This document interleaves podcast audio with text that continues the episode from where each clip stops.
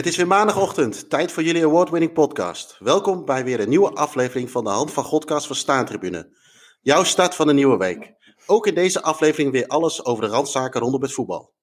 Vandaag gaan we het onder andere hebben over KV Mechelen 1988, Dennis Bergkamp, Preston North End en de derby van Lissabon. In aflevering 26 hebben we natuurlijk ook weer onze vaste items. De vergeten speler, de Maradona quizvraag waarbij je het Staantribune verrassingspakket kan winnen en praten we weer bij met Jelle Damen, de Nederlandse voetballer in Tsjechische dienst. Maar zoals altijd beginnen we met het nieuws van de afgelopen week. Uh, Ino, goedemorgen. Goedemorgen, Jeroen. Ja, hoe is het? Ja, goed. Ik kan ik beter aan jou vragen. Uh, ja, ik, uh, ik, bij mij gaat het eigenlijk wel goed. Waar, nou, ik vorige, ik. Week, ja, waar ik vorige week zei dat hoop doet leven en we genoeg voorbeelden hebben gehad in het verleden dat, dat dat terecht is is dat, uh, is dat uitgekomen. Dus uh, ik heb uh, sinds, ik ben, het is nu voor de luisteraars maandagochtend, maar voor ons natuurlijk zondagavond. Ehm, ik ben een beetje het tijdsbesef kwijt. de, de dag ging heel snel. Nou, woensdag met een aantal vrienden bij iemand thuis gezeten, gekeken. Ehm, bijna in de televisie gekropen om uh, die scheidsrechter maar te laten afluiten. Ik zag en, een filmpje inderdaad. Mooi. ik, dat was eigenlijk 30 voor de, voor de luisteraars 30 seconden voor het eindsignaal en 17 seconden na het eindsignaal. Hetgene wat daarvoor zit, hebben we er maar even tactische wijze vanaf geknipt. Ja. Dat is niet voor elke luisteraar bedoeld, denk ik. Nee, maar ik kan me een voorstelling van maken. Ja, dus nee, ja, woensdag, goeiedag, donderdag, vrijdag nog even afgesloten op de club. met de crew van Café 1902 TV, die een mooie uitzending had. En de selectie, staf en kantoorpersoneel. Dus ja, zaterdag moest ik nog even werken. Dus ik ben blij eigenlijk dat, dat de maandag er weer is, want het brengt weer een beetje structuur in het leven. Ja, maar goed. Je had ook een pizza erbij tijdens het kijken, of niet? Een pizza erbij bij het kijken. Ja, ik zag die spelers van uh, Go Ahead uh, tijdens... Uh, heb je die gezien? Tijdens die wedstrijd? Nee, die ze op het scherm zaten te kijken stonden. Wat pizza's nee, in de nee. Ze hadden er 40 hebben... aan laten komen, volgens mij. Oh, oké. Okay, ja, nee, wij hebben onszelf gepijnigd door, door die 50 minuten te gaan kijken. Ja. 50, ruim 50 minuten. Dus nee, dat hebben we niet, eigenlijk niet echt meegekregen. Dus nee, dus we kunnen er lekker... we, kunnen, ja, we hebben het seizoen lekker afgesloten al, dacht, dacht ik zo. Ja, heerlijk. Gefeliciteerd dus, met de promotie. Ja, dankjewel. Dus uh, volgend jaar komen we weer naar Mokum toe.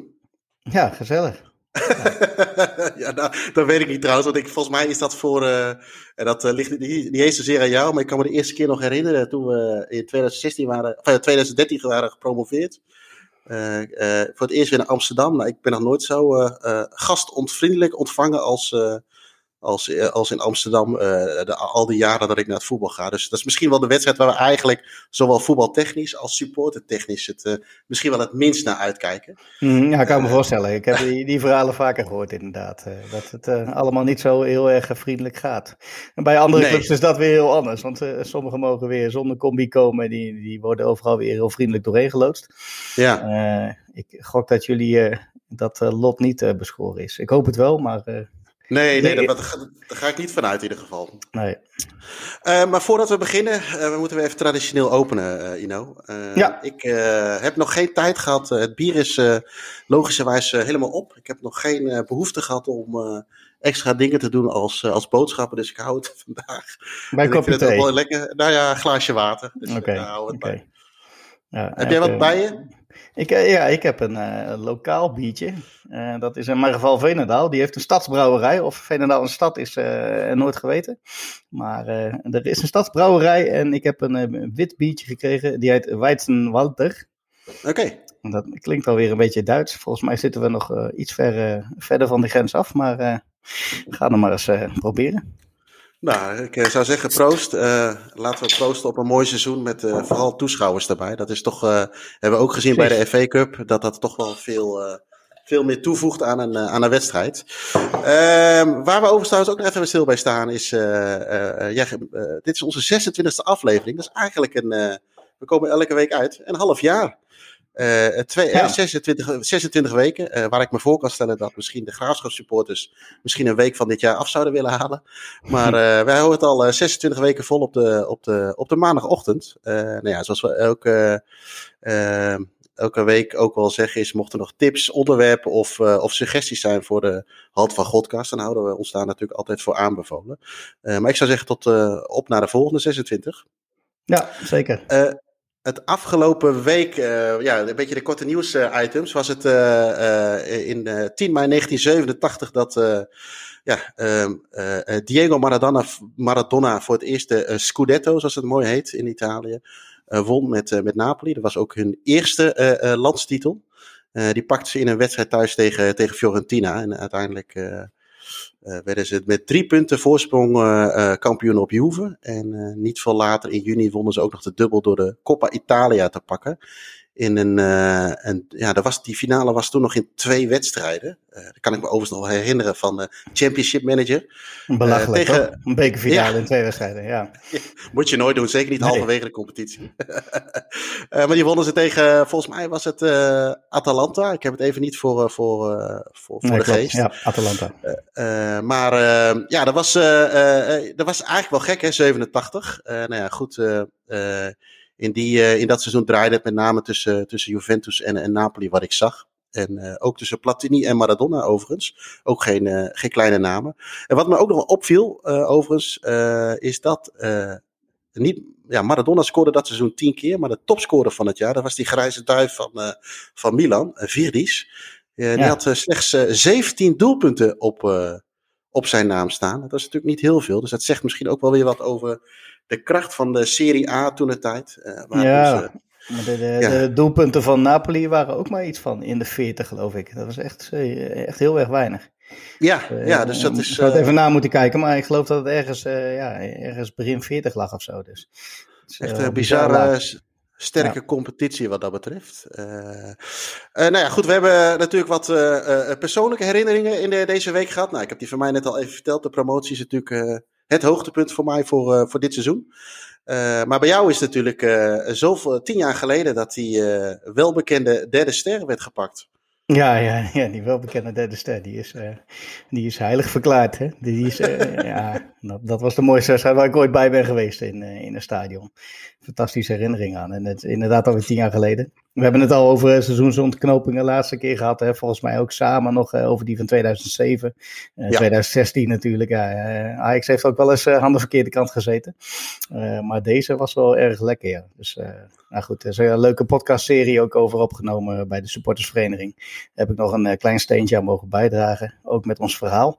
Ja. En daar zat ook een leuk verhaal in van, van een tukker, van, uh, van Hans uit, uh, uit Twente. Dus uh, een vriend van, vriend van de show, Toon Heuping. Ja. Moeten we maar even genoemd hebben. Via Toon uh, hebben we dat verhaal ook geregeld. En dat, dat is ook wel echt een hele leuke. Die, die, die waren er ook vol van overtuigd voor de wedstrijd dat ze die, uh, dat ze die wedstrijd gingen pakken. Ze gingen natuurlijk als koploper naar Amsterdam.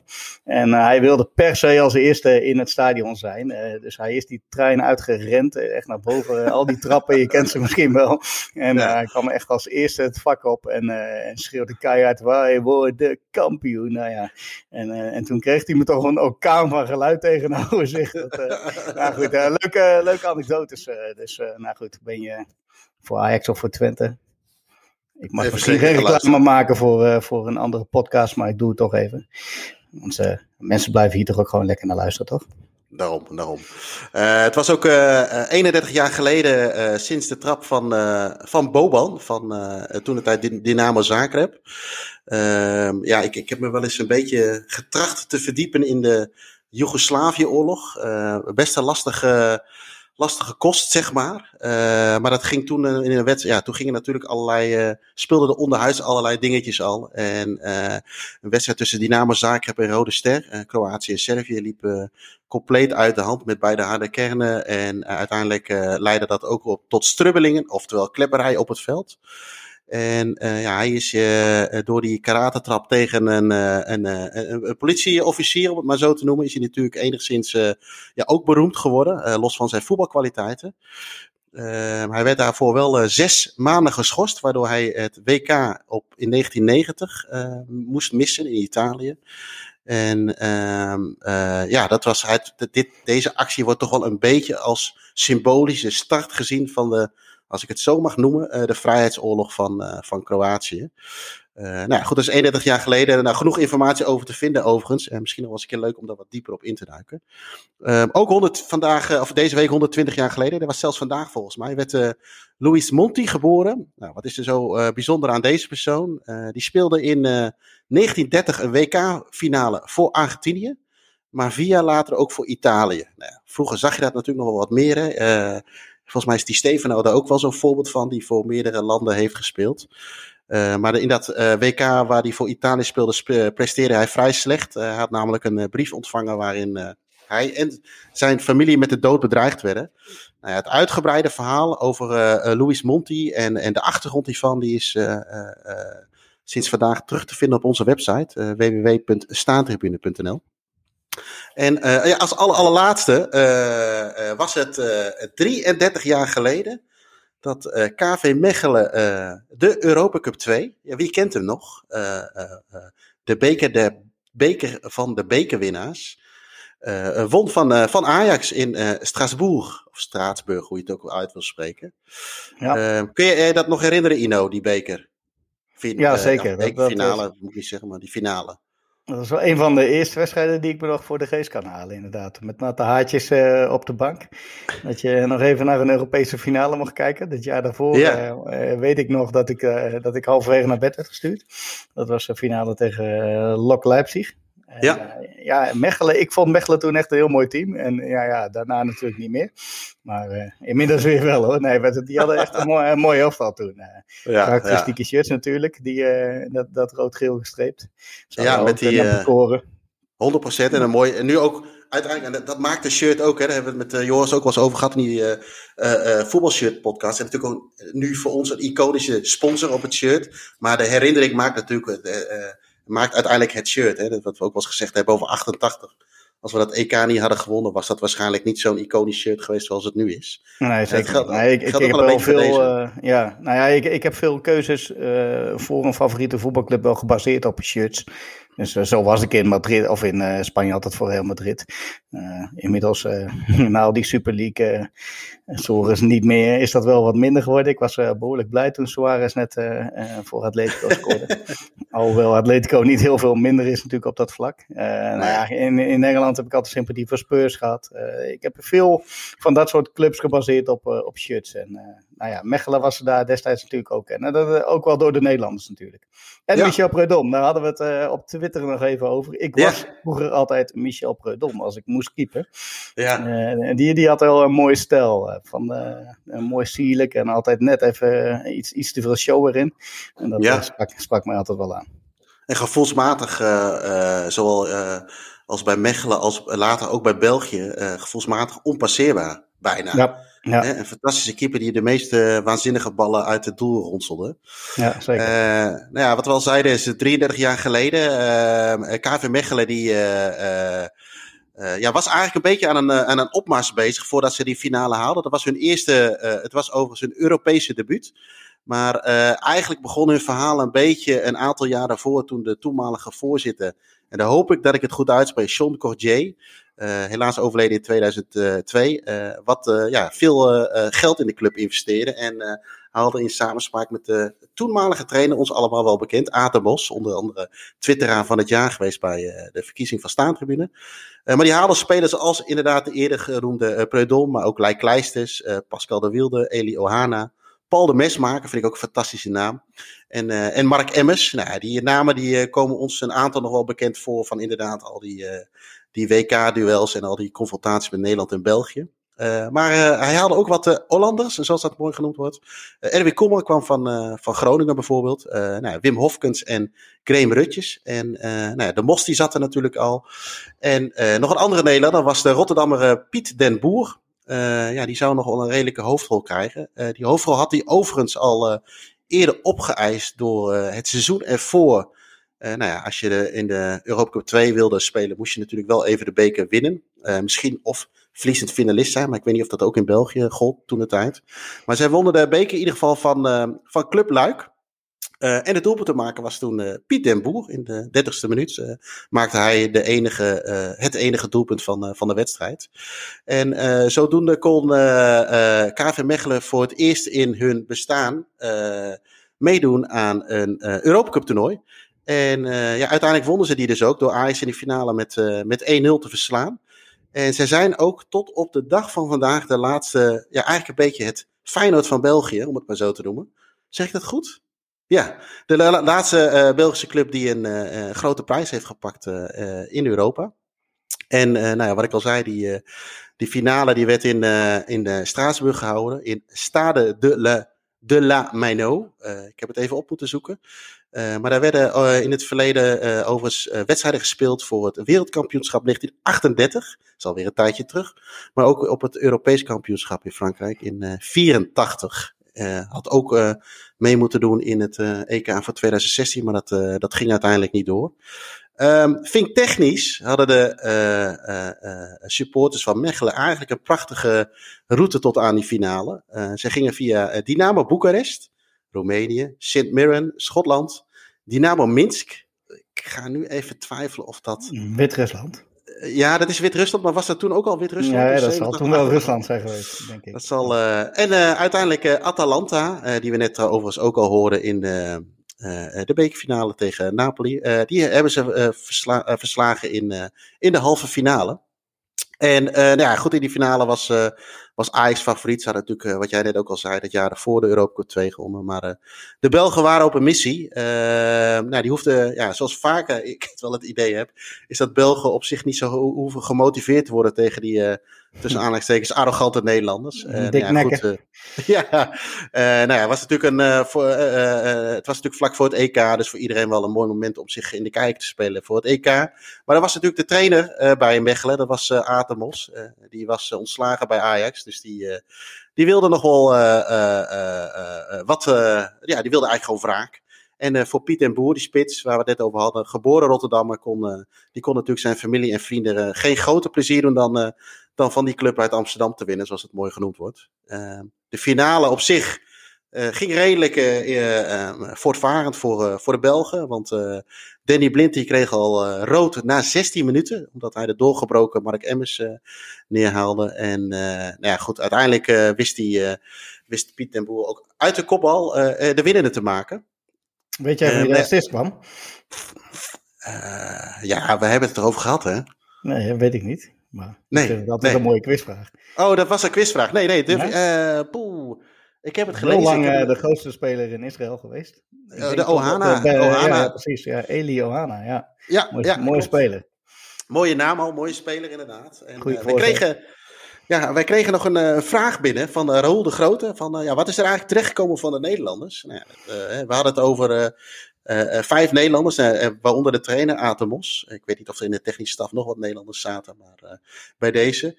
Nou ja, Aad weten we eigenlijk allemaal wel wat hij doet. Piet en Boer die ging in het seizoen 89-90 daarna naar Frankrijk toe, Bordeaux, Kaan. En hij sloot af bij Tielen in België.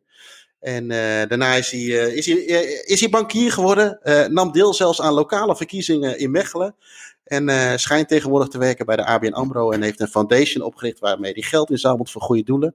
En hij is bondscoach van het officiële nationale G-voetbalteam van België.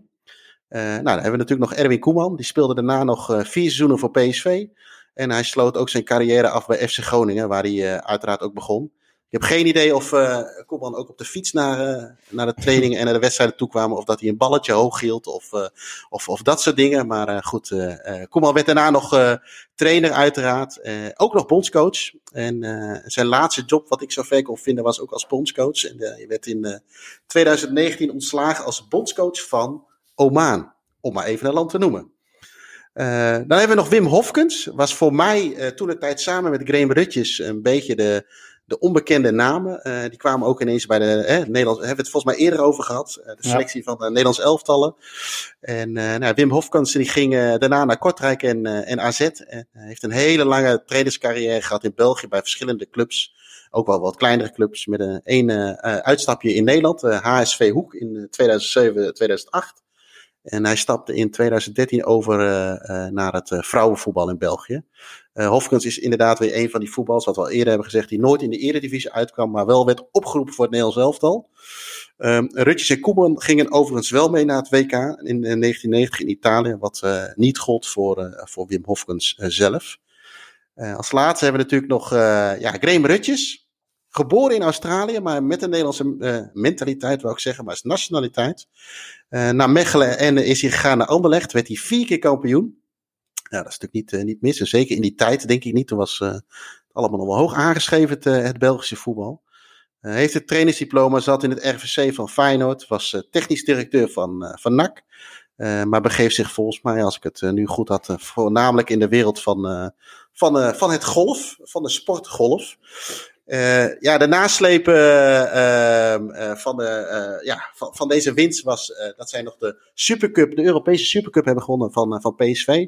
Daar komt voor mij die, dat beeld van Predom ook een beetje vandaan. dat die eigenlijk zeker in de return alle ballen eruit ranselde, waar ze thuis hadden gewonnen met 3-0 en uh, uit uh, slechts met 1-0 verloren.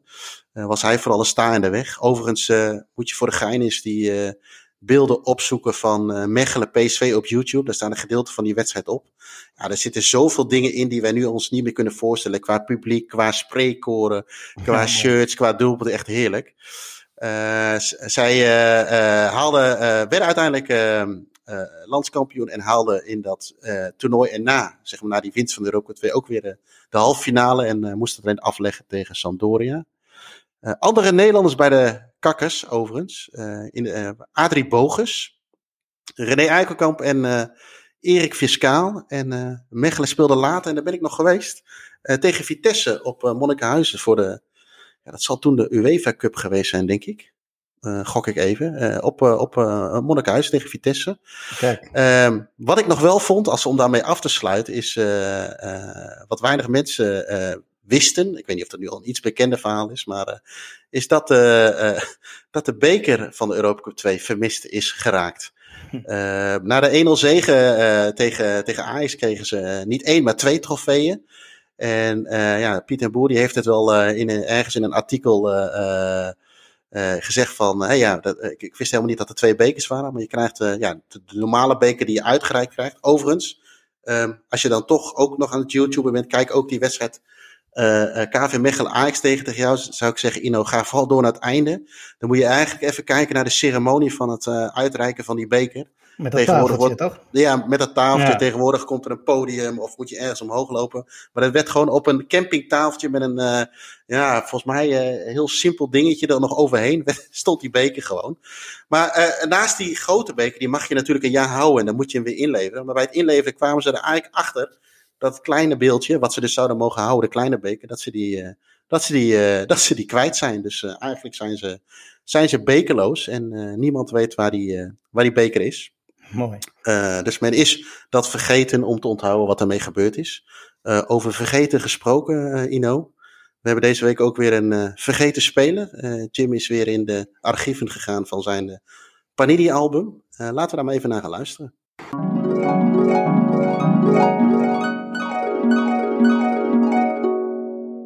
Tja, langzamerhand raak ik door mijn uh, vergeten voetballers heen. Dus uh, mochten luisteraars van deze podcast nog ideeën hebben voor een vergeten speler. Liefst uit de tweede helft van de jaren 80, want ik ben natuurlijk wel een beetje kieskeurig. Uh, laat even weten via podcast.staantribune.nl. Ik heb nog wel een lijstje, maar er staan wel wat Britse namen op. En dat zou ik eigenlijk niet meer doen. Maar ik doe het lekker toch, want ik had niet zoveel zin om verder te zoeken. En deze naam intrigeerde, intrigeerde mij al een tijdje. Het gaat namelijk om een speler van AZ. Die club hadden we nog niet gehad. Uh, Joe Jacob. Hij heette eigenlijk Janek Jacob, ben ik achtergekomen. Dus uh, het lijkt op iets Tsjechisch, Slowakije, Polen, die hoek. Maar hij kwam uit Schotland. En hij heeft twee seizoenen voor de Alkmaarders gespeeld. 86, 87 en 87, 88. Volgens de officiële cijfers van AZ zelf, van de club. 49 duels, officiële duels, inclusief beker, uh, waarin hij twee keer scoorde.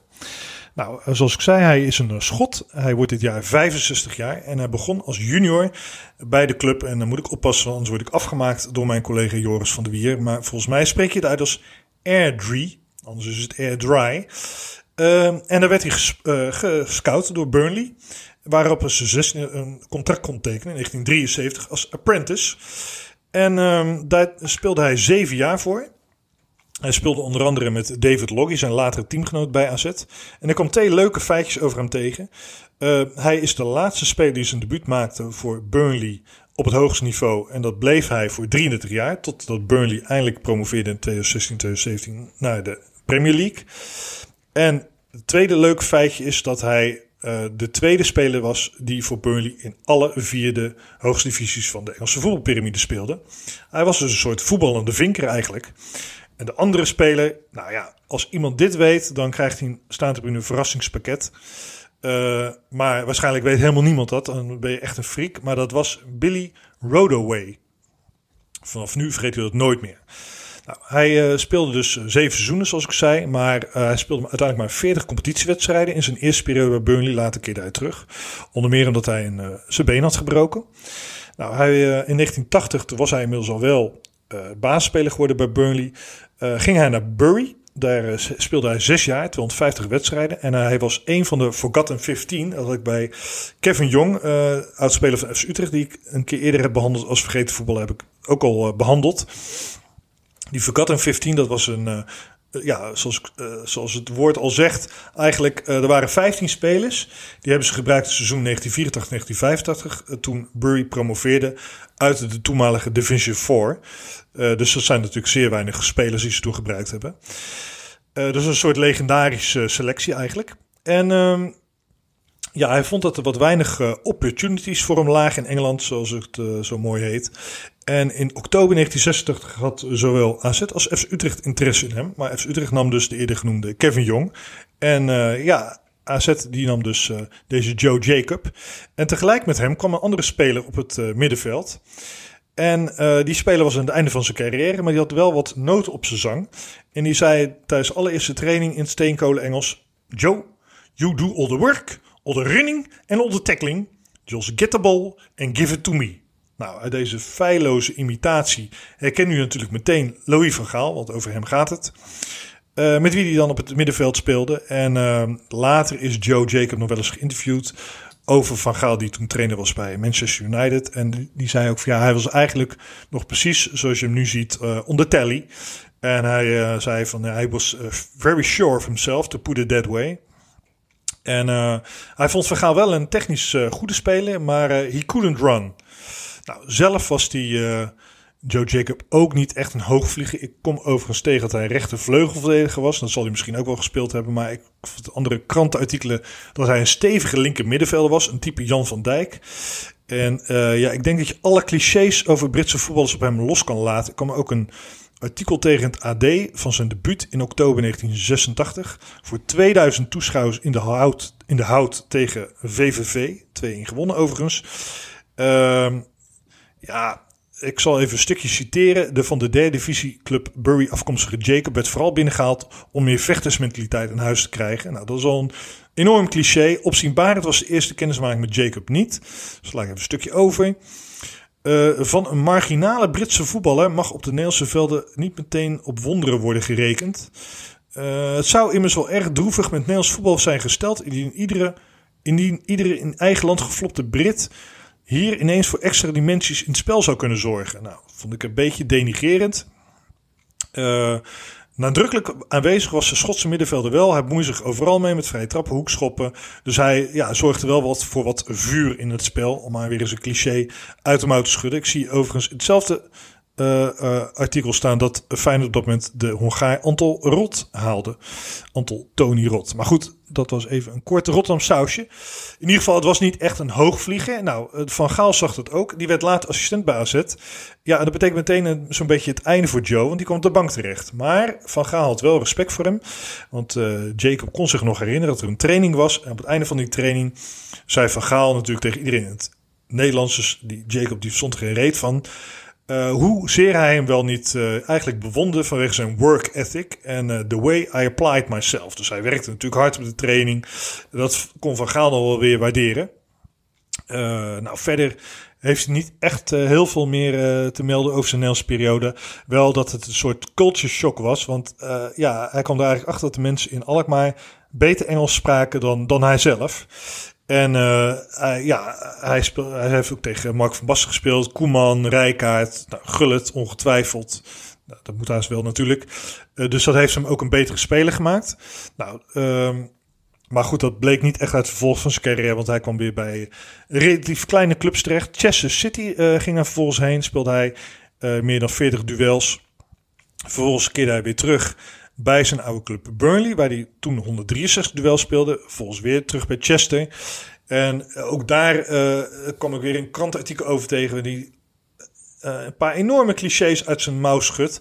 We just played our hearts out for the shirt we were wearing every game. We lived and breathed football. En om het nog wat erg te maken, we weren't interested in Bentleys or nonsense like that. Nou ja, maar die Bentleys kon ze natuurlijk helemaal niet veroorloven bij Chester. Um, daarna is hij nog even uitgekomen voor een uh, non-league club, Colwyn Bay. En hij heeft bij Wigan nog even 16 wedstrijden gespeeld. Daarna is hij naar Preston North End gegaan. Maar daar heeft hij geen enkel optreden in het hoofdmacht gespeeld. Hij is daar coach geworden van uh, een jeugdteam van Preston. Daarna is hij met de hoofdtrainer naar Stockport gegaan en vervolgens weer naar Southampton. En bij Southampton kwam hij vervolgens weer in een vriendschappelijke wedstrijd tegen FC Barcelona Louis van Gaal tegen.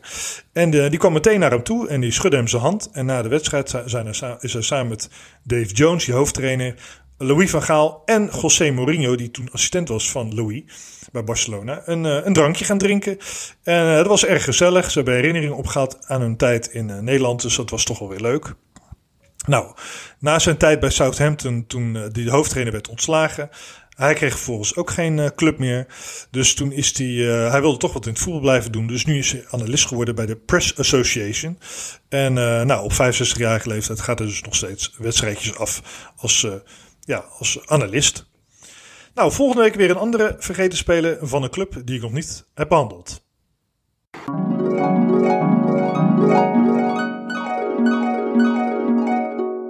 Joe Jacob. Ja, geen belletje. Nee, weer niet, hè? Nee, nee. dus, uh, nou, weer een mooie, mooi item. Um, nu, uh, nu, zelfs niet met het plaatje, hoor, erbij. Nee, nee, nee, nee, nee, nee, Hij heeft het uh, goed voor elkaar gekregen. Nou, wat Jim ook al zei, van, mochten er ideeën zijn voor nieuwe vergeten spelers, stuur ze gerust naar podcast.staantribune.nl. Ehm, wie we zeker niet vergeten zijn, en ook deze week niet, is, is de jarige Dennis Bergkamp. Ja, 52 dat, geworden. Ja, dat moet voor jou een grote held zijn, denk ik. Uh, you know. Nou, zeker. Maar ik denk voor heel veel Nederlanders wel. Ik weet niet of hij. Uh, ik denk dat hij ook uh, buiten Amsterdam wel heel erg geliefd was. Want deze man die deed alles op schoonheid. We hebben het er natuurlijk ook wel eens vaker over gehad. Met Ronaldinho volgens mij. ook nog een keer met Mario. Ja, deze man kon er volgens mij ook alleen maar mooi scoren. Ik heb zo'n dvd'tje van al zijn doelpunten. eentje van Ajax en eentje van Arsenal. En, en zelfs die intikken zien er mooi uit. Hè? Hij heeft volgens mij ook nog een keer, ik dacht dat dat tegen Leicester City was. Uh, drie goals gemaakt die alle drie op, op 1, 2 en 3 eindigden van doelpunt van de maand. Dus uh, ja, hij kon natuurlijk uh, fantastisch scoren met, met, met stiftjes en ja, mooie balletjes. andere lopjes. Echt een mooie speler. En ja, voor het Nederlands elftal natuurlijk ook heel lang hele mooie dingen gedaan. Ja, maar ik, ik, ben even in een ander aspect van hem uh, gedoken. Uh, nou ja, wat natuurlijk ook best wel bekend is, zijn vliegangst. Um, wat eigenlijk, ja, toen kwam hij er nog aardig mee weg. En dat is best wel gek natuurlijk, want ook toen speelde Arsenal al uh, veel uh, Europees. Het was wel, uh, als ik het goed. Nou ja, dat is wel redelijk in het begin van zijn Arsenal-tijd. Uh, het kwam ergens in 95 aan het licht. Uh, en, uh, ik heb even dat opgezocht. Voor het eerst dat het voor het publiek aan het licht kwam, was toen Nederland tegen Ierland speelde in Liverpool. Ja. Voor de EK 96 playoff. En daarvoor in de zomer, uh, over Wit-Rusland gesproken, uh, uh, ging hij al niet mee. En, maar goed, toen, toen, dat was nog in de tijd dat hij daar smoesjes voor moest verzinnen. En nou ja, dat, dat is natuurlijk niet vol te houden. Zeker niet als je aan het begin van zo'n lange Arsenal-tijd zit. Heeft hij nog ruim tien jaar gezeten. En dat is natuurlijk best wel gek dat hij, dat hij al die jaren niet meer in een vliegtuig is gestapt. Het uh, verhaal deed de ronde dat hij, uh, dat, dat veroorzaakt is uh, op het WK 94. Toen die Lex Muller die van SBS 6 een beetje bij de hand ging doen met, met een bom aan boord. Ja. Uh, stewardess helemaal in paniek, het vliegtuig in paniek, noodlanding geworden. hij heeft zelf ontkend dat dat dat dat in ieder geval de reden was. Ik denk wel dat het de druppel is geweest. Ik, ben, ik was er nog een klein beetje ingedoken wat ik zei. En uh, hij had ook in Italië en bij zijn intertijd in veel van die kleine vliegtuigjes gezeten. Met, uh, met van die korte vluchtjes die, die maar in de wolken bleven hangen. Hè, boven de Etna nog een keertje in paniek geraakt. En het was zelfs zo erg dat hij uh, een keer bij een wedstrijd bij Fiorentina uh, al naar boven keek uh, hoe, hoe het weer was. En toen, toen het al wat begon te betrekken, is hij helemaal in, in de stress geschoten. Dus dat is natuurlijk best wel erg. Dus ja. later, toen, toen hij dat allemaal had, nou, had aangegeven, Um, toen, toen werd dat bij hem, was die stress eraf en, en die druk was eraf. En hij zegt ook daardoor dat hij uh, een betere voetballer is geworden. Uh, omdat hij het toen dus al redelijk snel heeft gezegd. Dus, maar goed, best wel apart, ja, ja, apart iets natuurlijk. Maar ik, ik zag nog even een lijstje voorbij komen met andere spelers, die, bekende Nederlandse spelers, die ook vliegangst hadden. nou was dat in een tijd van bijvoorbeeld Abel Lenstra, Koen Molijn... Molijn uh, had een, had een uh, noodlanding gemaakt in Kopenhagen met Feyenoord, toen ze in Göteborg hadden gespeeld. Uh, Jacques Zwart heeft vliegangst gekregen in 1960 met het Nederlands elftal in Mexico na noodweer. Jan van Beveren, Willem van Aangem, Ruud Gullit, dus niet de kleinste nee. spelers uit de geschiedenis. nou denk ik dat, dat die echte oudjes ja, daar nog wel aardig mee wegkwamen natuurlijk in die tijd. Ja. Ja. Veel minder aan het reizen waren. Maar ja, ik, ik weet niet, zijn er in deze tijd spelers met vliegangst, dat jij weet? Nee, ik, uh, ik, kan het me niet zo snel, niet zo snel heugen. en ja, goed, en zo de vliegtuigen natuurlijk nu. ja, was het misschien vroeger ook nog wel weer iets anders als, als nu. Maar inderdaad, dat je van die kleine dingetjes zit in de wolk blijft hangen. Ja, dat zijn niet de meeste, niet altijd de meest relaxte vluchten. heb je wel eens een, heb je wel eens een noodlanding meegemaakt? Geen noodlanding, wel een keer een doorstart door harde wind. Toen okay. was het vliegtuig behoorlijk stil. dat geloof ik wel, ja. ja ik, uh, ik ben een keer de, Ik heb een keer een noodlanding veroorzaakt. Oké.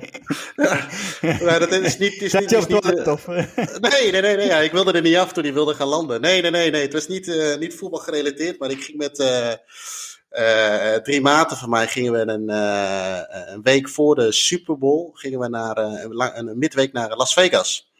En dat ging via, moet ik het even goed zeggen, Amsterdam, New York en dan van New York door weer naar Las Vegas. En in Amsterdam ging het eigenlijk al een, een beetje, nou ja, was het al gezellig. Maar in New York hadden we een uurtje of nou, pin me er niet helemaal meer op vast. Drie, drieënhalf uur uh, overstaptijd. Dus we bleven wel op het vliegveld. Maar we vonden wel een sportsbarretje. En uh, toen werden de halve liters wel een beetje naar binnen gekanteld. Uh, maar niet echt, gewoon normaal. En, maar ik was in die week ervoor, was ik, was ik een weekje, nou, niet helemaal fit geweest. Een beetje grieperig. En, maar toch meegegaan, was wel fit. En toen gingen we uiteindelijk dus van New York naar, naar Las Vegas. Was dus de Super Bowl is volgens mij altijd de eerste zondag van, uh, van februari. Dus het zal ergens januari, fe februari geweest zijn. Ja. Ehm, ja, vielen we, vielen, nou, viel ik eigenlijk in slaap in het, in het vliegtuig. Het was eigenlijk zo'n vliegtuig met drie stoelen, middengang en drie stoelen. Ik denk een man of 250, 300. Dus best wel een grote. We zaten ergens midden in het vliegtuig en ik werd halverwege werd ik wakker. En ja, ik voelde me een beetje draaien. Ik, ah, ik moet even pissen uiteindelijk toch weer naar het toilet. Maar dus naast mij zat een ja, onbekende. En wij zaten met z'n vieren twee, twee om twee, dus achter elkaar, zeg maar. En uh, ik weet nog dat ik, dat ik die man voorbij ben gelopen of gepasseerd ben. En daarna werd het even zwart voor de ogen en ben ik gestrekt gegaan. en ik werd op een gegeven moment wakker. Maar weet je, dat, werd wakker met het idee van, hé, hey, ik lig in mijn eigen bed, ik word lekker wakker. Maar er zat ineens uh, een paar mensen voorover gebogen. En ik zei, ja, laat me maar, ik moet heel nodig pissen. Dus uh, nou, ik, ik, mocht eerst niet naar de toilet, maar ik bleef me een beetje aandringen. Ik moet, ja, ik moet, ik moet echt, uh, echt nodig naar de, naar de play. Nou, uiteindelijk werd dat toegelaten, maar het deurtje mocht niet dicht. Dus ik kon even mijn dingetje doen. En voordat ik het wist, uh, nou, stewardess erbij. En, maar ook, ik hoorde later, maar ik, kan het niet helemaal bevestigen, maar dat die maat van mij wakker werden gemaakt. Van, hé, hoort hij niet bij jullie? En dat ze eerst hadden gekeken, nee, nee, die kennen we niet. En, hoort hij echt niet bij jullie? Oh ja, ja, dat is, dat is Jeroen. Dus die, die, werden ook, die stonden er ook bij. En, maar op een gegeven moment kwam een ja, stewardess erbij. En ineens de, de piloot die kwam langslopen. Okay. Dus ik dacht, oké, okay, oké, okay, dus, maar goed, die had, die had mijn klap, zeg maar gehoord dat ik gevallen was in de, in de cockpit. Uh, nou, het was nogmaals een uh, redelijk groot vliegtuig. En uh, toen kwam er ook een, een ja, iemand bij, een passagier bij, die wat een medische achtergrond had. En die zei, ja, kun jij van 1 tot 10 tellen. Ik zei, ja, dat is geen probleem, zeker niet in het Engels. En dan zei hij van, ja, kun je ook uh, van G naar A? Ja, in, in, het Nederlands moet ik er heel hard over nadenken, uh, maar laat staan in het Engels. En uh, ja, toen moest ik, ik zei, ik kan het wel andersom. Dus van A naar G, allemaal goed. En nou, ik wil weer zitten. En, maar terwijl ik weer terug naar mijn stoel word gebracht, hoor ik die kerel al zeggen, wegens een medisch ongeval van een van onze passagiers, moeten wij nu per direct een noodlanding inzetten. En uh, ik denk dat dat ding uh, binnen een half uur, uh, half uur aan de grond stond. En, maar toen ging ik zitten en die gast naast mij, die werd helemaal kwaad. En, en, Link, ja, waarom zeg je niet tegen hun dat, dat, we, dat we gewoon door kunnen vliegen? Dat je, want ik voelde me op zich wel weer goed hoor. Dus het was even dat ik gewoon weggevallen was. En waarom kunnen we dat niet door? Ik zeg, ja, gast, doe eens even rustig. Dat moet je niet tegen mij zeggen, dat moet je tegen die piloot zeggen. Dus ik zeg al tegen die vrienden van als ze nog even doorgaat, dan kunnen we voor twee mensen een noodlanding maken. Nou, uiteindelijk uh, is hij binnen een half uur, ze staan heel snel op de grond. Uh, maakte hij een noodlanding op Chicago, Chicago O'Hare. Volgens mij een van de grotere vliegvelden in, in de wereld. en wij komen aan taxiën en in Chicago, ik, ik ben, was er wel eens eerder geweest in, in, in, in de beginmaanden van het jaar, maar dan, dan is het extreem koud. En extreem veel sneeuw. En wij kwamen aan taxiën. En we kwamen bij een gate en ik zie een ambulance. Volgens mij ook een brandweer. Allemaal met zwaailichten klaarstaan. dus ik zei tegen de gast, ik zei, ja, dat zal er niet voor mij zijn, of wel? Nou ja, jawel hoor, dat was stond allemaal klaar om, uh, om mij eruit te halen. En uh, ik liep alvast naar de uitgang van die, uh, hoe heet dat, van de, van de, van de deur van het vlieg, vliegtuig. En er komen toch een, een, paar gasten met een brancard naar binnen chasen. Ik zei, oh, ik sta hier. Maar goed, lang verhaal kort, ik ik mocht niet verder. Ik moest eruit, ik heb bloed geprikt, alles. En uh, een van die vrienden van mij die ging mee, de andere twee gingen door. En wij, uh, nou ja, nogmaals, het was daar stervenskoud, maar normaal in uh, Las Vegas is het nou, dan gewoon 25 tot 30 graden. Dus ik had mijn linnen broekje, wat toen nog heel erg in was, met een t-shirtje en een vestje bij me. En ik moest Je leek een beetje op Jody Benal, of niet? ja, ook zo'n kettingje om de ding, zo'n kralenkettingje om. En uh, ja, toen moesten wij, uh, ja, mochten wij niet mee. Dan moesten we de, uh, de volgende vlucht pakken. Dus, maar ik, ik, het verhaal doet het altijd goed op, op verjaardagen. En de volgende dag mochten we mee. Ik heb er helaas nooit wat over kunnen vinden in het, in het nieuws. Dat had het nog wel een beetje afgemaakt. Ergens een itempje over. Ja over dit verhaal, maar ook niet in kranten, maar goed. Maar goed um, op een podcast uh, zit hij nu en uh, in een item over Bergkamp. Is toch ja, wordt dat in één genoemd, de noodlanding? Nou, ik denk dat Dennis Bergkamp nu nooit meer gaat vliegen, als ik in ieder geval bij hem aan boord ben. Um, nou ja, goed, over uh, vliegen gesproken, wie ook veel de wereld over gevlogen heeft, zal Diego Maradona geweest zijn. Zoals elke week hebben we dus ook weer de quizvraag van Maradona. Oh mama, mama, mama, perché mi batte il corazon. Ho Maradona, ho Maradona, oh mama.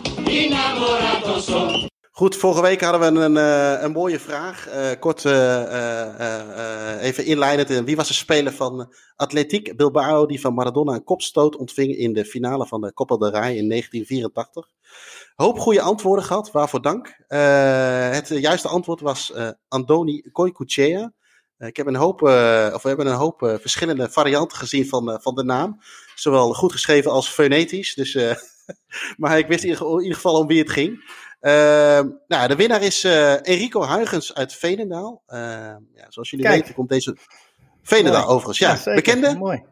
Nee, geen bekende. Ik ken hem wel van Twitter, maar eh, ik, ik zou niet weten hoe die in real life is. Dus, maar gefeliciteerd Enrico. Wat ik in ieder geval over hem kan vertellen in real life, is dat hij uh, op maandagochtend heel vroeg opstaat. Of in ieder geval onze podcast luistert. Want zoals jullie wellicht weten, onze podcast komt maandagochtend om 6 uur s ochtends uit.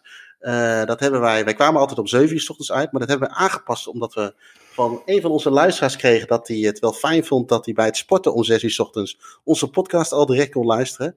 Uh, Enrico die heeft zijn mailtje gestuurd om 7 uur ochtends op maandagochtend na het uitbrengen van, uh, van onze vorige podcast. Dus uh, ja, dat vind ik een, vind ik een mooie prestatie. dus ik zou zeggen, misschien maak je kans, hoe eerder je het antwoord opstuurt, hoe meer kans op het mooie staantribune verrassingspakket. Uh, Enrico, gefeliciteerd. Veel plezier ermee.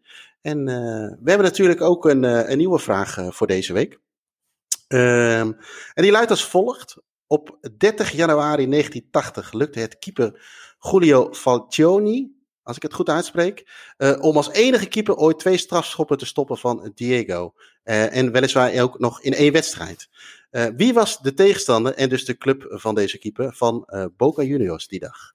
Nou, mocht je het uh, antwoord weten, uh, laat het ons dan weten via een mailtje. Zet daar het goede antwoord in, plus je naam en uh, adresgegevens. En dan maak je kans om het Staantribune verrassingspakket te winnen. Um, dus podcast.staantribune.nl Oh mama, mama, mama, oh mama, mama, mama, sai perché mi batte il corazon. Ho visto Maradona, ho visto Maradona, oh mama. Goeie vraag. Uh, hij komt uit jouw koker, Ino. Die uh, credits uh, geef ik je graag. Um, ik weet het antwoord daarom ook nog niet, dus dat moet ik straks nog wel even op gaan zoeken. maar ik, uitstekende vraag. Ik wist het feitje ook niet, maar hij kwam van de week langs op een van de Twitter-accounts over Maradona.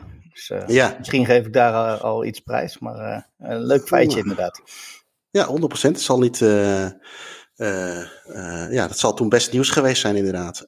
Uh, ander nieuws, wat deze week ook naar voren kwam, hè, wat vorige week ook al zeiden, is natuurlijk een beetje de maand en de weken van dat clubs wat winnen of wat historische feiten oplevert. deze week was het op 15 mei 2004. 17 jaar geleden dat Arsenal ongeslagen kampioen werd in, in de Premier League. Het heeft hun de bijnaam de Invincibles opgeleverd. ik geloof ook dat ze uiteindelijk een gouden Premier League beker hebben gekregen daardoor. Uh, die overigens, wat ik las uh, bij het afscheid van Arsène Wenger aan hem geschonken is. maar zij waren niet de eerste die ongeslagen kampioen werd. dat was Preston North End en wel in het seizoen 1888, 1889. ook het jaar dat de Football League werd opgericht en dat voor het eerst eigenlijk uh, ja, in competitievorm werd gespeeld. Daarna, daarvoor had je natuurlijk nog de FA Cup al wel. Uh, er was er veel strijd om uh, amateurisme slash pro, profvoetbal, dat soort zaken. Uiteindelijk leidde dat tot de oprichting onder andere van, van de Football League. En in het eerste seizoen werden zij dus ongeslagen kampioen. Uh, ja, goed, dan ben ik ze een beetje, een beetje gaan induiken. Want ja, het is natuurlijk altijd wel mooi. Zij worden op dit moment uh, overigens de Original Invincibles genoemd. En uh, omdat zij natuurlijk de, de, de eerste waren. maar ze wilden ook dat jaar, uiteraard ongeslagen, maar ongeslagen de, de FA Cup. in de competitie speelden ze 22 wedstrijden, waarvan ze er 18 wonnen en, en 4 gelijk. maar ze scoorden ook in die 22 wedstrijden 74 doelpunten. Uh, dat is natuurlijk niet mals. Dat is uh, meer dan drie doelpunten per wedstrijd, durf ik wel te zeggen. Iets meer nog. Uh, maar ze speelden ook vaak in die tijd nog met een 2-3-5 formatie. Oftewel vijf spelers voorin. dat zou je nu niet meer zo snel kunnen, kunnen zien. Ja, misschien alleen, ja, stel dat je voor promotie speelt en je hebt nog één doelpuntje nodig om te kunnen promoveren, dat je dat dan wel doet. Maar voor, je begint er in ieder geval niet mee. Ja, Helmond deed het andersom, hè? Ja, alleen ja, maar aan het verdedigen, toch? ja, ja, jouw vakantievrienden hebben dat heel goed gedaan. Ja. uh, nou goed, uh, overigens uh, heeft, los van dat ze invincibles zijn, Preston North heeft nog een ander record op hun, ja, hoe zeg je dat, op hun konto staan. Ze hebben ooit in de FA Cup met 26-0 van Hyde FC gewonnen. dat is uiteraard nog steeds een, een record. Het, het, het, het bijzondere aan het verhaal van, van dat seizoen is, is dat de club die werd in 1862 opgericht als, uh, als cricketclub en begon eigenlijk uh, 20 jaar later pas uh, met voetbal. En het verhuisde ook in 1975 naar, naar Deepdale, dat is een wijk in, in de stad. Volgens mij zitten ze daar nu nog, nog steeds. En de club was ook, ook bijvoorbeeld ook nog actief in, in rugby, maar dat bleek niet heel erg, erg goed te zijn. Uh, maar de vraag is natuurlijk nu van welke prestatie is nu beter? Is het die van Arsenal of is het die van Preston North End? Uh, nou, dat is natuurlijk een beetje uh, appels met peren vergelijken, zoals dat mooi heet, omdat het natuurlijk twee verschillende tijdperken uh, betreft. en als je, maar bijvoorbeeld als je kijkt, we gaan het toch even proberen. als je kijkt naar de prestatie, Preston North End bleef bijvoorbeeld ook ongeslagen in de beker. Dus ze bleven zowel ongeslagen in, in, in de competitie als, als in de FA Cup. Die ze overigens wonnen van, van Wolves met 3-0. Uh, op, uh, op, op die oval. De oude niet, niet, niet te verwarren met die van Noord-Ierland. Arsenal die vol, verloor bijvoorbeeld in de League Cup van Middlesbrough. Chelsea schakelde ze uit. of ze werden uitgeschakeld door Chelsea in, in de Europa Cup. En in de FA Cup verloren ze van Manchester United. Nou goed, je hoort het al. Er zijn alweer drie, twee toernooien erbij. Dus is dat helemaal eerlijk? Nou, zeg het maar. wat ik wel mooi vond is, ik las een, ook een, een, een stukje over, over en, en, en ja, hoe noemen ze iemand? Een, een historicus van de club. Uh, die had het ook over dat zij een, een, een, een, iemand, een, de trainer had die eigenlijk, om met tijden te vergelijken, en nu heb je voor elk stukje heb je een, heb je een apart iemand. Iemand doet het gras, iemand doet de, het fysieke stuk. Ze hadden William Suddle, die was eigenlijk iemand die was een trainer, er was een masseur, was een groundsman, iemand die zorgde voor de, voor de shirts. hij heeft zelfs nog een keer meegedaan als speler in, uh, in, in, in, in een FA Cup wedstrijd tegen Reading. Die ze wonnen met 18-0. Blijkbaar kwam dat nog wel vaak voor. En hij scoorde een hat als, als rechtsbuiten. Uh, nou ja, maar wat we ook wel eens gezegd wordt, is dat van ja, weet je, 22 wedstrijden allemaal leuk en aardig. Dat zijn natuurlijk veel minder dan die 38 van, van Arsenal. dat klopt, ze zijn er inderdaad minder. Alleen wat ook nog wel eens vergeten wordt, is dat zij in datzelfde seizoen 42 vriendschappelijke wedstrijden nog speelden. Uh, plus nog eens de, natuurlijk de Cup Games en, en, en, en, de wedstrijden voor de competitie. 42 oefenwedstrijden. En dan moet je je nog eens uh, voorstellen, het stond ergens in de, in de krant. ze gingen op, op, op woensdag vertrokken ze richting Edinburgh. Of Edinburgh, sorry, zo moet ik het eigenlijk zeggen. En daar ontmoetten ze op donderdag Hearts. Speelden ze op vrijdag tegen Dumbarton. Zaterdag tegen Queen's Park. En op maandag speelden ze tegen Clydesdale Harriers. Dus dat zijn best wel veel wedstrijden in één. En uh, ja, wat daar ook nog wel als argument ook wel eens gebruikt wordt, is van ja, weet je, uh, het reizen was natuurlijk anders. Uh, paard en wagen. de velden waren natuurlijk veel slechter. Dan, hè. Arsenal heeft natuurlijk op een, nou, volgens mij wel redelijk goed matje op Highbury ge, gespeeld. Uh, maar dat zijn natuurlijk ook allemaal dingen om rekening te houden. En natuurlijk, de, de, ja goed, de voetbalregels die waren anders. Uh, zo las ik bijvoorbeeld dat. Uh, dat, dat is een mooi lijstje, dat toen ook de regels bijvoorbeeld werden gedaan, dat de keeper niet meer tot aan de helft de bal in het spel mocht brengen. In het spel mocht brengen. Dus dus uh, op een gegeven moment kwam de regel dat hij uh, hem in zijn handen mocht hebben tot aan de 16. Uh, maar blijkbaar was het vroeger zo dat je tot aan de middenlijn kon lopen en dan mocht de keeper hem in zijn handen hebben. de ingooi werd geïntroduceerd. Dat, dat, soort dingen allemaal. Dus dat geeft ook wel het appels met peren vergelijken aan. Ehm, al denk ik wel dat de prestatie van Preston North en zeker niet, niet onderschat mag worden. Um, ook omdat nou, ze dat jaar daarna. Peren geworden. Uh, dat vind ik wel. Dat vind ik wel. Uh, wij kregen nog een vraag overigens over Preston Noord en binnen van Laurens uh, Labots, als ik het goed uitspreek. hij vroeg aan ons van, ja, wat is de bekendste speler uit het verleden van de club? Ehm, nou, dat vind ik een goeie. Ik, ik moet zelf altijd een beetje denken, maar dat is een beetje met een Liverpool sausje, aan Bill Shankly, die er gespeeld heeft. Uh, maar de bekendste speler is natuurlijk uh, uh, is, Finney. dat was Tom Finney, dat was de clubtopscorer. Hij heeft de meeste interlands gespeeld als Preston North End speler. 76 in totaal. En hij is ook de eerste speler die twee keer voetballer van het jaar werd. Hij speelde uiteindelijk voor de club 473 wedstrijden in zowel competitie als beker. maar het zou misschien ook kunnen zijn dat hij doelt op David Beckham. Ja, of, of Bobby Charlton. Ja, of Archie Jammel, om er nog maar eentje te noemen. Dus uh, ik, ik, ik, ik, weet niet zo goed welke hij, uh, hij daarin bedoelde, maar ik, uh, het zou een van die spelers kunnen zijn volgens mij. We laten Laurens er gewoon één kiezen en dan mag hij de bekendste aangeven, toch? ja, inderdaad. Maar um, Beckham kwam wel bij mij als eerste op. Oké, okay, ja. En hij werd verhuurd toen volgens mij, toch? Van ja, ja. United. Ja, United. klopt. Ja. Um, laatste uh, grappige feitje uh, over deze club is dat zij uh, de, moet ik het even goed zeggen, derde club zijn. Uh, of zij, zijn, zij werden op dat moment de derde club die kampioen is geweest van alle vierde uh, divisies in Engeland. Kijk, mooi. Ja, dat is uh, onder andere ook Wolverhampton Wanderers, Burnley en zowel Sheffield United als Portsmouth gelukt. Ehm, en ja, dat vind ik nog wel een, een, mooie statistiekje. Zeker. Ben jij er um, geweest of niet? Nee, er staat wel, uh, want ze schijnen volgens mij wel één mooie uh, grote tribune te hebben. Het is sowieso wel een beetje een mooie regio. die hoek, daar hebben we het volgens mij wel eens eerder over gehad, over met Joris. Ik kreeg ook nog een vraag van, of eigenlijk meer een opmerking over terug van Remco Hanenberg, wat de mooiste club van de regio is. ik weet dat Remco een vrij fanatieke Blackburn Rovers supporter is. En aangezien hij mij ooit, voor mij ooit kaartjes heeft geregeld voor Blackburn Burnley, een van de ja, mooiere derbies, denk ik, in, in Engeland, als ik dat zo mag zeggen. denk ik dat, dat ik dat ook nog wel een. dat is ook een mooie club. Maar eigenlijk alle drie die clubs zijn wel, wel mooi. Blackburn en Burnley ben ik beide geweest. Zeker Burnley wil je niet doodgevonden worden, maar dat maakt het alleen maar mooi, denk ik. Voor, de, zeker denk ik ook wel voor de luisteraars van, van deze podcast. Maar Preston niet, ben jij er wel geweest? Nee, nee ook niet. Nee. Sowieso niet bij, in die regio nog, dus we hebben nog een hoop te gaan. Ja, nou, we hebben genoeg in te halen. Um, waar ik dit jaar ook nog niet geweest ben, is, is Tsjechië.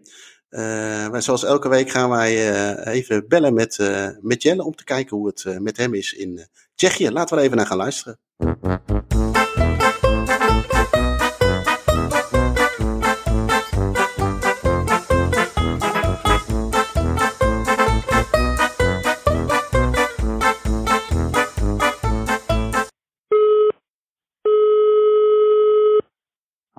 Met Jelle. Hey Jelle, goedemiddag jongen. Met Jeroen. Hoe is ja, het? Ja, goed, goed met jou ook? Zeker, zeker. Ja, ja jij leeft nog in een roes, denk ik, of niet? ik ben nog een beetje aan het bijkomen. Uh, dus het is maar goed dat, uh, dat, uh, dat maandag het werk weer begint om in het reguliere ritme te komen. Laten we het daar maar op houden. Ja. Dus ja. nee, nee, gaat helemaal goed joh. Top, top, top weekend gehad. Ja, ik kan me voorstellen, ja. Jij jij verblijdde ons vorige week al met ja, live opnames vanuit, live opnames uh, opnames vanuit uh, ja. het, het, stadion van Slavia Praag. Zeg ik dat goed? Nou, Sparta Praag. Oh, sorry, Sparta Praag. Dat was net de andere, maar inderdaad. Potato, ja. potato, hè. Zijn, is, ja, ja, nou goed, maar dan moet je, moet je het niet laten, laten horen. nee, maar ja, inderdaad. En, dat was hartstikke leuk om hier bij een wedstrijd uh, te zijn. Nou ja, dat hoorde je ook. Ja. hoe, hoe, ik het, hoe ik het vond. En dan zeker als er gescoord wordt, dan, ja, dat is het leuk. En uh, ik denk, nou, ik, ik had mijn mobiel nog in mijn hand. Ik, ik ging hem net op eigenlijk. En toen werd er precies gescoord. Ik denk, nou, dan ga ik nog eventjes opnemen. dan zijn jullie toch een soort van bij bij een doelpunt. Ja, gaaf man. Hey, en uh, we zijn nu een weekje verder. Uh, ik, ik hoorde iets van dat je iets met onderlinge wedstrijden aan het spelen bent bij je Praag Raptors. Ja, ja, we zijn nu gewoon, ja, de competitie is dus helemaal stilgezet. Dus ja, we moeten wat. En ja, het is nog niet helemaal vanuit Raptors echt officieel georganiseerd. Dus we moeten gewoon betalen en dan uh, huren ze een veldje af. Ja. Uh, gewoon een veld. En dat is een heel lekker goed grasveld. Dus dat, dat is mooi. En we spelen gewoon 11 tegen 11. Ja. Um, en dat zijn eigenlijk alleen maar spelers van, uh, van Raptors paar die dan uh, een beetje erbij hangen. Die niet echt bij de club voetballen, maar uh, ja, dat, dat is niet erg. En, ja, maar dat is wel gewoon leuk dat je dan zo lekker kan voetballen. Dat is vlakbij dat Straalstadion. Dat is maar één heuvel verder. Dus als je ook terugloopt, ja, je ziet dan ook in de verte zie je dat mensen stadion staan. Dus dat, ja, dat is wel mooi. ja, dat voetbal is gewoon lekker, weet je. Het is gewoon echt weer even echt 11 tegen 11. Even fanatiek. En uh, je wil gewoon winnen. Dus uh, nou, en dat, dat gaat hartstikke goed. En het niveau is ook nog niet, uh, niet zo heel hoog. Dus dan zeg ik, nou, dan ga ik wel eventjes rechts buiten lopen. en dan vind ik dat ook gewoon wel weer even leuk. Want dan denk ik, ja, als ik nou alleen moet gaan verdedigen, dan heb ik ook niet zoveel zin in. Nee, nee. Dus, dus, dus dat is hartstikke leuk. Ja, je bent gewoon weer even lekker aan het ballen, toch? Met, uh, met de jongens, zeg maar. Ja, ja zeker. En uh, daarom, uh, kijk, in Nederland kon dat al natuurlijk ik in Nederland was. Maar ja, toen het bekend werd dat het in Tsjechië ook weer mocht, ben ik lekker weer hierheen gegaan. Ja. En dan heb je hier ook weer je vrienden en, en dingen. Dus dan kijk ik ook gewoon al het Nederlandse voetbal met dan een, een collega en een vriend die, ja, die dan ook in Praag wonen. ik ga toevallig, ga ik, ga ik vanmiddag ga ik de, de, bij een Zweedse teamgenoot ga ik de, de derby van Stockholm gaan kijken. Oh, op televisie? Die jongen, ja. ja. op televisie. Ja, hij zegt, uh, we gaan die kijken, kom je ook? Ik zeg, wel, graag. Ja, ik, ik, kan me er niet zoveel bij voorstellen. Maar, uh, oh, oké. Dus, uh, en die jongens van Hammarby, en die had ook een seizoenskaart altijd. Die ging ook wel eens naar uitwedstrijden. Maar goed, die zit nu hier, dus dat gaat niet meer. Maar die, die volgt het dus nog wel op de voet. Ja. En, dus ja, maar ja, daar in Zweden mag je maar met acht mensen in het stadion. Ja. Dus ja, uh, dat had je, had je gelezen misschien. in, het, in het winkelcentrum mag wel alles. En, uh, en de restaurants zijn ook open. Dus nou ja, het is een beetje, een beetje apart daar. Maar dat, uh, ja, ik ben benieuwd hoe dat is. Hoe dat dan, hoe dat dan gaat. Ik heb niet echt een, een beeld bij de, de derby van Stockholm. Nee, dus eigenlijk zeg jij nu ook indirect, de kaarten van volgend seizoen die zijn eigenlijk geregeld. Ja, ja, ja, ja, daar ga ik wel van uit, ja. Nou, het, het leuke is, hij gaat in Nederland gaat hij, gaat hij wonen vanaf september. Dus hij gaat, oh. hij gaat in Leeuwarden uh, verhuizen. Hij gaat naar Leeuwarden ja. verhuizen. Ze zegt van ja, ken je daar nog clubs? Ik zeg nou, ik ken daar geen club, maar ik zal even opzoeken. Ik weet niet of jij daar bekend bent, maar uh, dat is... Uh, ja, ja Cambuur natuurlijk, hè? Ja, ja. Maar zo goed, zo goed is hij denk ik ook weer niet. ja, ik kan het altijd proberen. Ja, daarom. Dus, Misschien hebben ze nog een Zweedse spits, no spits nodig, je weet het niet. Ja, nou, dat is een keeper. Oh, nou ja, goed als breekijs, hè, soort van. Ja. ja, mooi ja, ja. En je ging ook nog iets toe voor het uh, damesteam in Nigeria? Ja, dat is een, een project van, uh, ja, van, van Raptors. Ik weet niet hoe ze er, erbij zijn gekomen, maar er is een damesteam in Nigeria. Die, die zijn net begonnen en die, die hebben eigenlijk helemaal geen geld voor spullen en alles.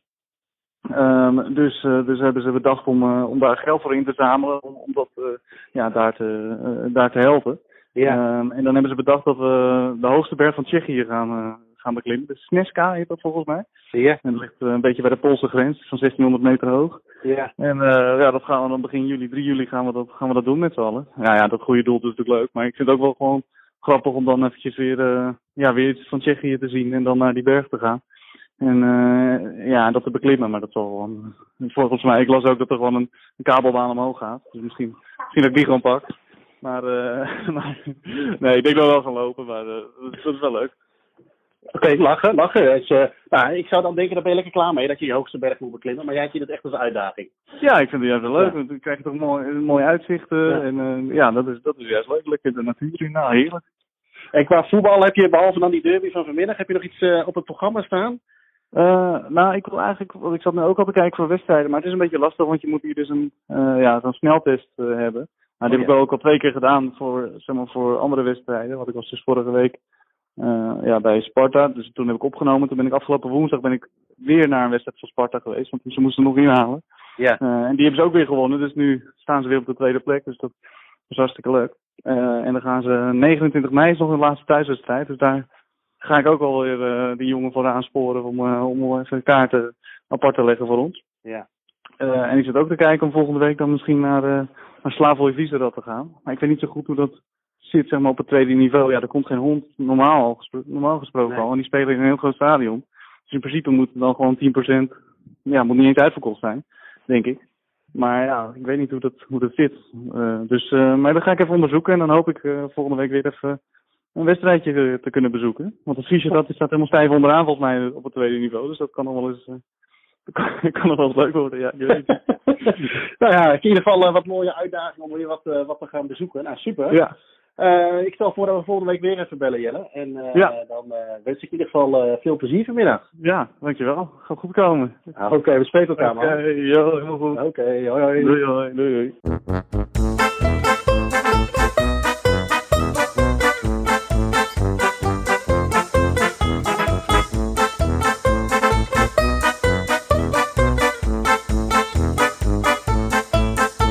Goed, dat was uh, Jelle uit, uh, uit Tsjechië, of uh, vanuit Tsjechië moet ik zeggen. Ehm, heb jij wel eens wat voor een, ingezet voor een goed doel in combinatie met sporten, Ino? Poeh.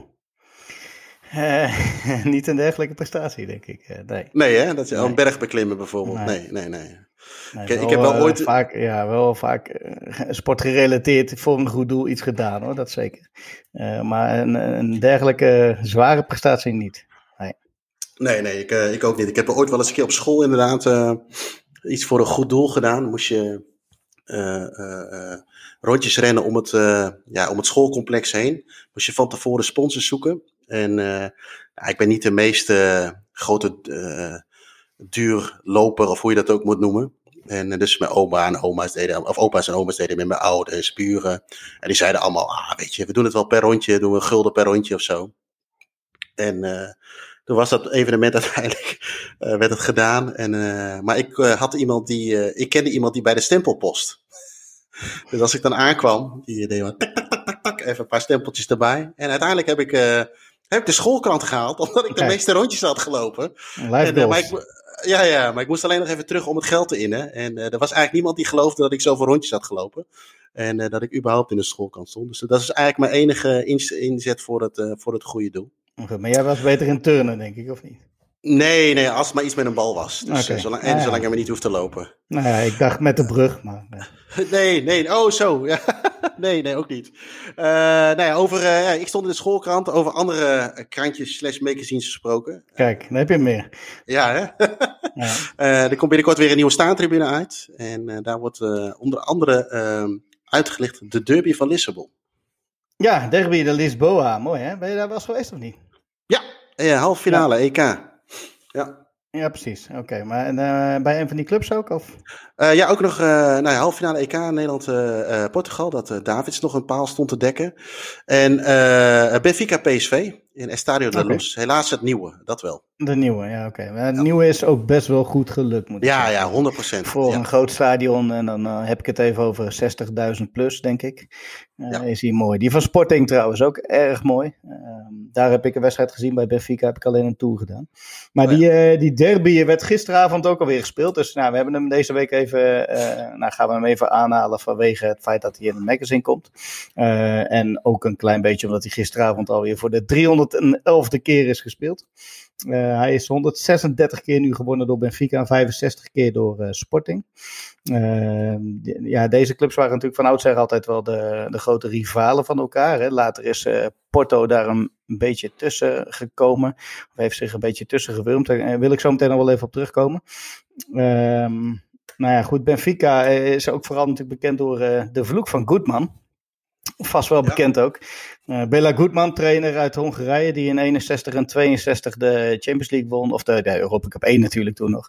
Uh, met Benfica. En ja, goed, toen vroeg hij om een loonsverhoging. En kreeg hij niet. En uh, toen heeft hij de club verlaten en gezegd dat ze de eerstkomende 100 jaar nooit meer een Europese prijs zouden winnen. En, daarna heeft de club nog acht finales in Europa gespeeld. Vijf keer om de Europa Cup 1 en drie keer om de, volgens mij, de UEFA Cup Europa League. En uh, alle acht verloren. dus die, uh, die man die heeft aardig woord gehouden. ja. um, ja, dus uh, die, die Bella Goodman is ook wel prominent aanwezig. toch nog wel, ondanks dit, in het museum daar. Dat is wel mooi om te zien. Museum ook wel een aanrader met de Adelaar. jou natuurlijk ook niet onbekend. Nee. die daar prominent te vinden is. Um, nou ja, heel veel prijzen natuurlijk gewonnen verder. Succesvolle club, meest succesvolle club uit Portugal. Uh, wel uh, als arbeidersclub ontstaan. Hadden in het begin jaren zelfs nog spelers uit een weeshuis onder contract. Of in ieder geval in het elftal spelen. En Sporting is wat meer de club van de, van de, van de elite. later is dat eigenlijk een klein beetje omgedraaid. zeker ook omdat Benfica wat succesvoller werd. En nu wel als ja, de, de grootste club van het land natuurlijk te boek staat. maar ook als meest arrogante club van het land. En nou ja, wat ik net ook al zei over Porto. Ik, ik, vind, ik had het vorige week nog met Roy even over. Deze drie clubs uh, doen mij altijd denken aan de top drie in Nederland. Ik weet niet of jij daar ook wel eens over nagedacht hebt. Met, uh, met Benfica nee. als, uh, nou, als misschien meest succesvolle en ja, daardoor ook meest gehate door de, door de niet-Benfica-fans. Sporting, die eigenlijk de oude rivaal was. En die vergelijkt dan altijd een beetje met Feyenoord. ook heel lang op een titel gewacht. En dit jaar dan eindelijk gepakt, deze week. Na 19 jaar droogte. Ongeslagen werden ze kampioen. En gisteren verloren ze dus uh, de eerste wedstrijd van het seizoen tegen Benfica. Ja, ja. 15 tegengoals uh, tot nu toe. Gisteren kwamen er dus nog vier bij. Dat was uh, ook weer, uh, ja, wat, wat, dat betreft is het niet de allermooiste aanvallende competitie om naar te kijken. nou ja, Porto zie ik dan altijd een klein beetje als PSV uit, nou ja, uit een ander gebied van het land. en die zich er ja, qua prestaties gewoon tussen gewurmd heeft. En eigenlijk, nou ja, Sporting heeft verdreven en, en, ja, de nieuwe rivaal van de, van de grote club is geworden. Dus ja, ik, ik weet niet, ik moet daar altijd wel een beetje aan denken. En, en Roy had dat vorige week ook. Dus ja. Uh, nou ja, ik weet niet of, of jij daar ook zo in staat of dat dat misschien een stom gedacht is van mij. Uh, uh, maar goed, ik heb er geval, nooit zo over nagedacht. Ik, ik, ik, heb niet echt een voorkeur bij die drie clubs hoor. ik vind Sporting altijd wel een heel mooi shirt hebben. En stadion, dus wat ik al zei. Porto, ja, ik, ik vind de stad Porto geweldig. Hebben we het wel eens vaker over gehad op de, op de Franse Signa na. Uh, kan die stad maar heel erg bekoren. Uh, ja, echt serieus? Ook, ja, ja, en, en de stadion trouwens ook niet hoor. Dat sta, het nieuwe stadion van Porto is best wel een gedrocht. Uh, nou ja, Benfica vind ik, ja, vind, heb ik ook altijd wel een mooie club gevonden. Dus ja. ja. niet echt een duidelijke voorkeur wat dat betreft. Ik was er even verder in de derby gedoken uh, met de grootste winstpartij. Die was 7-1 voor Sporting in 1986. Uh, de topscorer van de derby is een uh, speler die 48 keer gescoord heeft in de derby. Dat is, en die heeft sowieso ongekende aantallen. Moeten we misschien nog maar een keer induiken. Dat is Fernando Peiroteo, als ik het misschien als ik het goed mag uitspreken. Ja. En die heeft 197 wedstrijden voor die club gespeeld, maar daarin 332 keer gescoord. Dus dat zijn wel hele mooie aantallen. Anderhalf, ruim anderhalf is dat, denk ik. Maar goed, ik, mijn rekenkwaliteit op zondagavond zijn, laat hem even in de steek. Maar in ieder geval mooie cijfers. Uh, nou ja, rivaliteit, wat ik al zei. Uh, in 1907 stapten acht spelers over van Benfica naar Sporting. En toen is dat eigenlijk een klein beetje begonnen. Ja, sowieso liggen die stadions op drie kilometer van elkaar. Uh, vanuit het vliegtuig kun je ze in één oogopslag beide zien liggen. Uh, bijna, bijna naast elkaar. Dus, en sowieso ehm, ja, misschien een keer een ideetje voor Joris. Maar Lissabon is echt een fantastische voetbalstad. Want, want, buiten deze twee clubs zijn er gewoon nog een aantal hele mooie en bekende clubs. Uh, zoals Belenenses bijvoorbeeld. Die helaas de laatste jaren nou ja, een doorstart heeft moeten maken. Omdat het, het consortium wat, wat, het, wat de eigenaren waren. Nou goed, die, die, die hebben de club eigenlijk overgenomen. Spelen nu voor drie man en een paardenkop. In het, in het hele grote nationale stadion. Wat ook in de stad ligt trouwens en heel erg mooi is. Ik weet niet of je die wel eens hebt gezien, maar die heeft gewoon één lange tribune over drie zijden. En één lange zijde is helemaal leeg. Dat, dat zie je ook bijna nergens. daar wordt elk jaar ook nog de bekerfinale gespeeld. Maar de, ja, de, de doorstartclub van Belenense speelt daar dus inmiddels ook de club van Belenenses die weer is opgestart door de supporters, die uh, speelt nog in het oude stadion uh, Do Restelo. En dat is echt een fantastische bak, waarmet, uh, ja, waarmee je eigenlijk een heel mooi uitzicht hebt over de Taag, die rivier en die brug die daar, die daar prominent aanwezig is. Ja. En verder, ja, ik, ik heb daar een keer een wedstrijd gezien tegen Benfica, waarbij er 18.000 mensen zaten, waarvan 15.000 in het uitvak van Benfica. Dus, en wij zaten daar dus zelf ook lekker tussen. Een mooie mooie ervaring. Maar dat is echt een fantastisch uh, stadion. En wat ik al zei, er zitten wat meer kleinere clubjes die, uh, die het bezoeken waard zijn. Estoril, ben jij misschien met PSV? Nee, nee dat was een jaar geleden. Bij, de regenwedstrijd. Nee, nee. Ja, ja, precies. En uh, nou goed, en nog, je hebt nog Atletico daar zitten. En Atletico CP, Club de Portugal, zoals Sporting natuurlijk ook zo mooi heet. Want het is natuurlijk geen Sporting Lissabon, hè? Nee, nee, dat mag niet meer, hè? Veel gemaakt fout. Maar uh, ja, mooie stad. Ik, uh, ja, goed, uh, Joris, bij deze oproep duik er een keer in. Hij houdt natuurlijk niet zo van de Portugezen misschien. En die lijken in ieder geval hebben hetzelfde taaltje als de Brazilianen. Dus dat zal zeker niet in, in het voordeel spreken. Maar Lissabon is echt een onderbelichte voetbalstad. Heel mooi. Ja, 100%. En ja, willen jullie meer lezen over deze derby? De staantribune nummer 36 die verschijnt op vrijdag 28 mei. Uh, je kunt het bestellen ook uh, alvast uh, via de webshop van uh, Staantribune. als je bestelt voor 20 mei, dat is nog net niet. dan hoef je geen verzendkosten te betalen. Dus ehm, ik zou zeggen, ga hem zeker even lezen wat dat betreft. Ehm, nou ja, goed. dat was het weer voor deze week. bedankt voor het luisteren naar deze aflevering van de, van de Hand van Godcast. Ino, bedankt. Ja, graag gedaan. Jij ook. Uh, ja, wat ik al eerder zei, uh, mochten jullie uh, tips, ideeën, opmerkingen of vragen hebben, dan horen we dat uiteraard graag. al deze zaken kun je mailen naar de podcast.staantribune.nl. mocht je dit nou een hele toffe podcast vinden, dan zouden we het leuk vinden als je een recensie zou willen achterlaten op, op iTunes of bij alle andere podcast-apps die er zijn. En voor nu. Dat was hem weer, snuiters. Tot volgende week. Fantastic.